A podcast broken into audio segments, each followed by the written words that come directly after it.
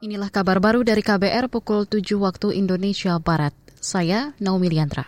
Komisi untuk Orang Hilang dan Tindak Kekerasan Kontras mendesak agar proses hukum terhadap anggota pasukan pengamanan Presiden Pas Pampres dilakukan dalam peradilan umum, bukan dalam peradilan militer.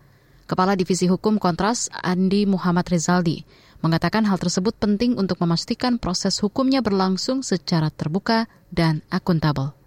Karena sudah semestinya prajurit TNI yang terlibat dalam peristiwa kejahatan ataupun tindak pidana itu diproses melalui mekanisme peradilan umum. Saya pikir sudah ada berbagai mekanisme peraturan yang ideal yang kemudian bisa untuk dipertimbangkan agar para pelaku kejahatan dari institusi militer diadili melalui mekanisme peradilan umum. Kepala Divisi Hukum Kontras Andi Muhammad Rizaldi mengatakan tindakan kekerasan aparat militer akan terus terjadi jika tidak ada penghukuman yang adil dan maksimal. Kata dia, penghukuman yang tidak adil terjadi akibat anggota TNI yang terlibat kejahatan diadili dalam peradilan militer yang sama sekali tidak memenuhi prinsip peradilan yang adil dan baik. Sebelumnya Pomdam Jaya menangkap anggota Pas Pampres Praka Riswandi Manik dan dua prajurit TNI lainnya atas dugaan menculik dan melakukan penganiayaan berat hingga tewas.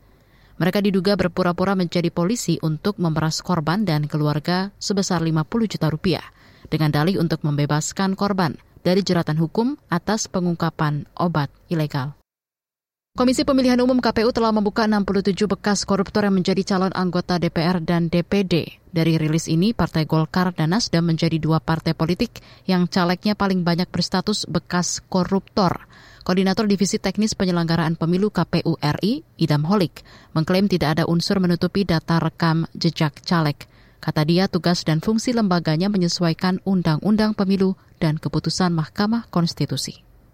Ya tentunya apa yang disampaikan oleh ICW berkenaan dengan mantan terpidana korupsi, KPU juga sudah diundangkan oleh KPU ya, dalam peraturan KPU dan semua caleg dalam DCS yang sebanyak 52 orang ya yang ancaman pidananya lebih dari lima tahun atau lebih itu sudah melakukan pengumuman secara terbuka dan kemarin KPU merilis 52 caleg yang terkategori dalam putusan Mahkamah Konstitusi.